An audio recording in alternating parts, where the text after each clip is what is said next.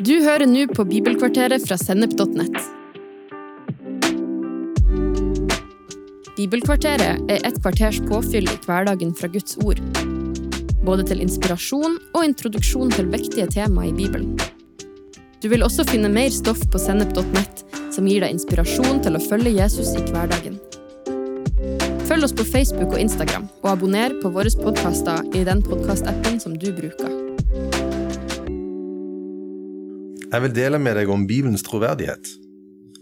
Hvorfor består Bibelen av 66 bøker? Hvorfor ikke flere eller færre? Kan vi stole på at Bibelen er historisk korrekt? Kan vi stole på at tekstene vi leser er de opprinnelige tekstene? Dette og litt til skal jeg prøve å gi deg noen korte svar på. Men la oss først kort se på det at Bibelen er Guds ord. I 2. Timoteus kapittel 3 fra vers 15 sier Guds ord at helt fra du var et lite barn, har du kjent de hellige skriftene, de som kan gi deg visdom til frelse ved troen på Jesus Kristus. Hver bok i Skriften er innblåst av Gud og nyttig til opplæring, tilrettevisning, veiledning og oppdragelse i rettferd, så det mennesket som tilhører Gud, kan være fullt utrustet til all god gjerning. Bibelen har sitt opphav i Gud sjøl, ikke mennesker. Samtidig så brukte Gud vanlige mennesker til å skrive ned ordene sine. Dette kaller vi for Bibelens inspirasjon. Hva som ligger i det, gir Erling Tuås en god beskrivelse av. Han skriver mens inspirasjonen pågikk, overvåka og tilrettela Gud suverent hver enkelt forfatters bakgrunn, slektsforhold og omstendigheter. Av den grunn var ordene de fritt og bevisst brukte når de komponerte skriftene sine, samtidig Guds egne ord.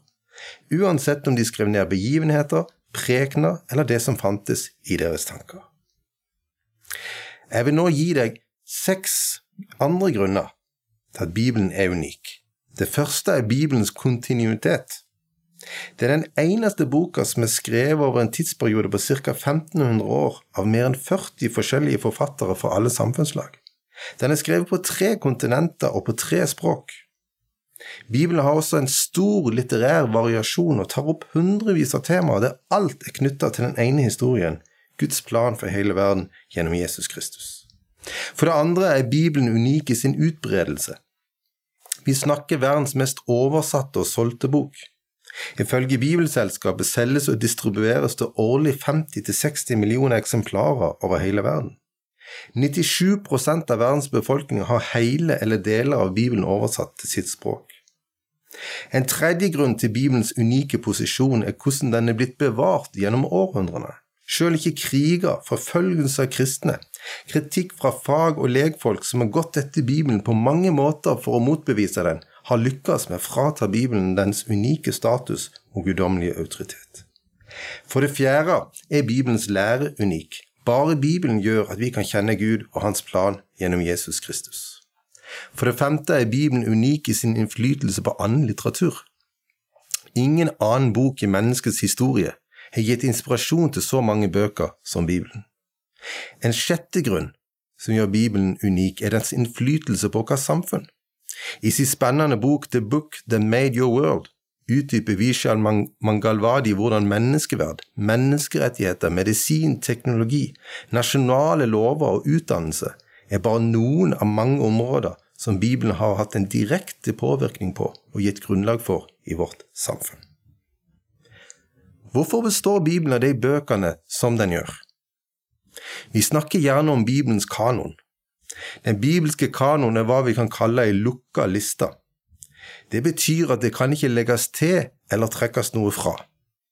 Denne lista viser til den standard og de kriterier som ligger til grunn for at samtlige av Bibelens 66 bøker anerkjennes og gis autoritet som Guds ord. Bibelen er ikke Guds ord bare fordi Guds folk anerkjente den som det.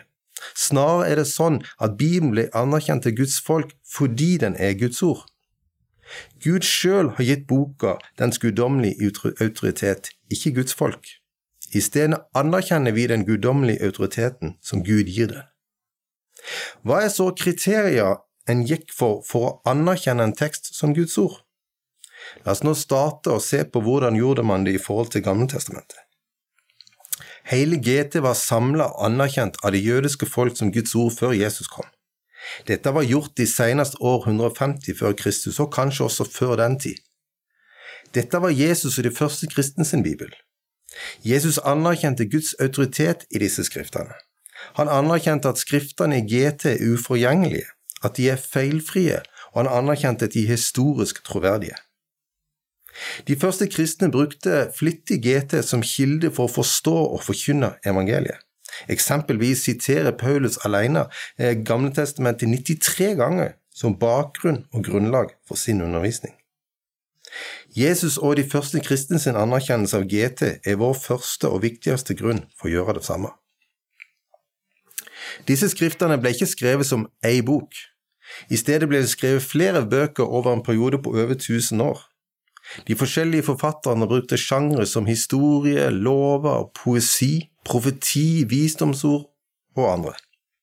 For at en tekst skulle bli regnet med i GT og anerkjent som Guds ord, så måtte den oppfylle strenge kriterier. Når ble den skrevet? Det måtte være fra en bestemt og avgrenset periode av Israels historie. Hvem ble den skrevet av? Det måtte være skrevet av anerkjente profeter. Formidler de sannheten om Gud? Formidler disse tekstene Guds kraft? Og var bøkene akseptert av Guds folk?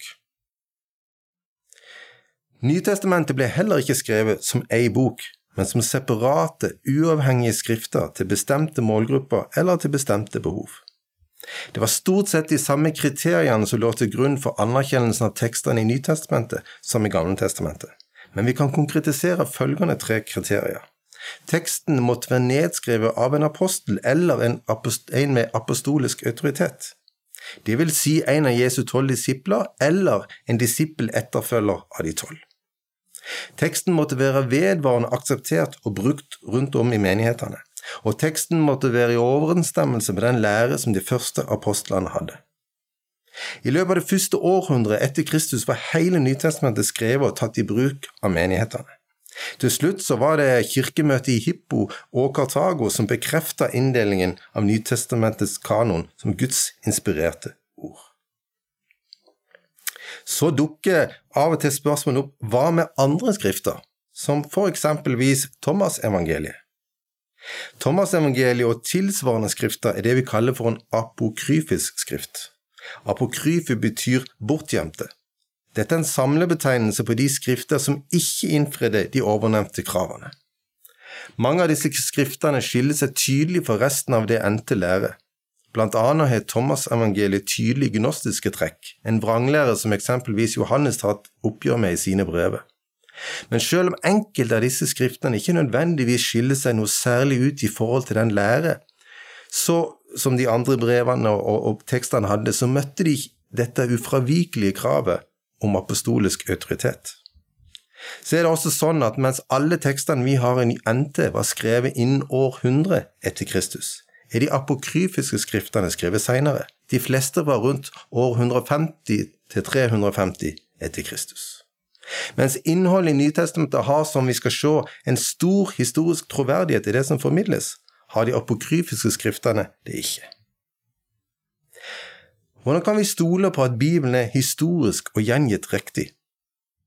Vi kan blant annet se på tidsperioden. Tekstene i Nytestamentet er nedskrevet mens øyenvitner til Jesu liv fortsatt levde. Forfatterne var mennesker som kjente Jesus personlig, eller som kjente noen som var vitne til det Jesus sa eller gjorde. Så er det sånn at på denne tida så innebar det å gå på skole og lære seg ting utenat. Gjennom egne studieteknikker ble en elev eller disippel trent i å lære seg undervisningen utenat med det formål å kunne gjengi den til andre. Sånn ble mest sannsynlig evangeliene spredd den første tida, før de etter hvert ble nedskrevet og videre spredt. Uansett så var det lett for et øyenvitne å avkrefte eller bekrefte sannheten i det som ble fortalt. Stilen som eksempelvis evangeliene er skrevet i, skiller seg ut og gir de troverdighet. I antikken var det ikke uvanlig å pynte på sannheten eller utelate fakta for å fremstille personen i best mulig lys. Evangeliene og resten av NT gjør ikke det. Det ser vi blant annet ved at de skriver om hendelser som ikke var favoriserende for de sjøl eller Jesus. De sensurerer, sensurerer ikke Jesu undervisning. De poengterer at det de skriver er basert på øyevitner. De skriver at kvinner fortalte om Jesu oppstandelse først, og de utfordrer leserne til å sjekke ut fakta. Så er det sånn at vitenskapen den bidrar også til å bekrefte Bibelens troverdighet. Ikke minst gjelder dette arkeologiske funn som bekrefter personer, steder og hendelser i hele Bibelen. Bare i Nytestamentet refereres det til over 30 bekrefta historiske personer. I de siste 16 kapitlene av apostelens gjerning alene er det 84 fakta som er bekrefta av arkeologiske funn. Hvordan kan vi vite at Bibelen vi har i dag, stammer fra de originale tekstene? Vel, i dag har vi ingen av de originale tekstene igjen, men vi har mange kopier. Dette er likt for både Gamle og Nytestamentet. På en genial måte har Gud opp gjennom historien sørget for at det blir håndskrevet tusenvis av kopier. For dess flere kopier som samsvarer med hverandre, jo større muligheter har en for å komme fram til originalteksten. Tekstene i GT blir kopiert av egne skrivere som hadde dette som yrke, ja, mer eller mindre som et kall. Drevet av gudsfrykt var de pinlig nøyaktige i sitt arbeid. Disse skriftene ble tatt vare på og overlevert fra generasjon til generasjon og på den måten fulgte de jødenes historie etter hvert som, som de også ble spredd utenfor Israel. Det gjorde også at skriftene på et tidspunkt ble oversagt fra hebraisk til gresk, som igjen gjorde de enda mer tilgjengelige. En rekke funn av gamle kopier med utdrag, utdrag av eller hele bøker fra GT viser at vi kan være trygge på at de tekstene vi har i dag, er de samme tekstene som Jesus og de første kristne anerkjente aller flest kopier har vi fra Nytestamentet. Det er i underkant av 6000 kopier på gresk og i underkant av 20 000 kopier fra andre språk. De eldste av disse stammer fra bare noen få hundre år etter at originalen ble skrevet. Det gjør at for Det nye testamentet finnes det flere, tidligere og bedre kopier. Flere øyenvitner og vitnesbyrd, flere historiske, arkeologiske og juridiske kilder enn det vi har fra noen annen bok fra den antikke verden. Så Bibelen er troverdig. Det finnes mange bevis for Bibelens troverdighet. Men det største og viktigste er mitt og ditt vitnesbyrd. Vi har møtt og kommet til tro på Ham som Bibelen handler om. Han som er Ordet som ble menneske og tok bolig iblant oss. Jesus Kristus, Guds sønn.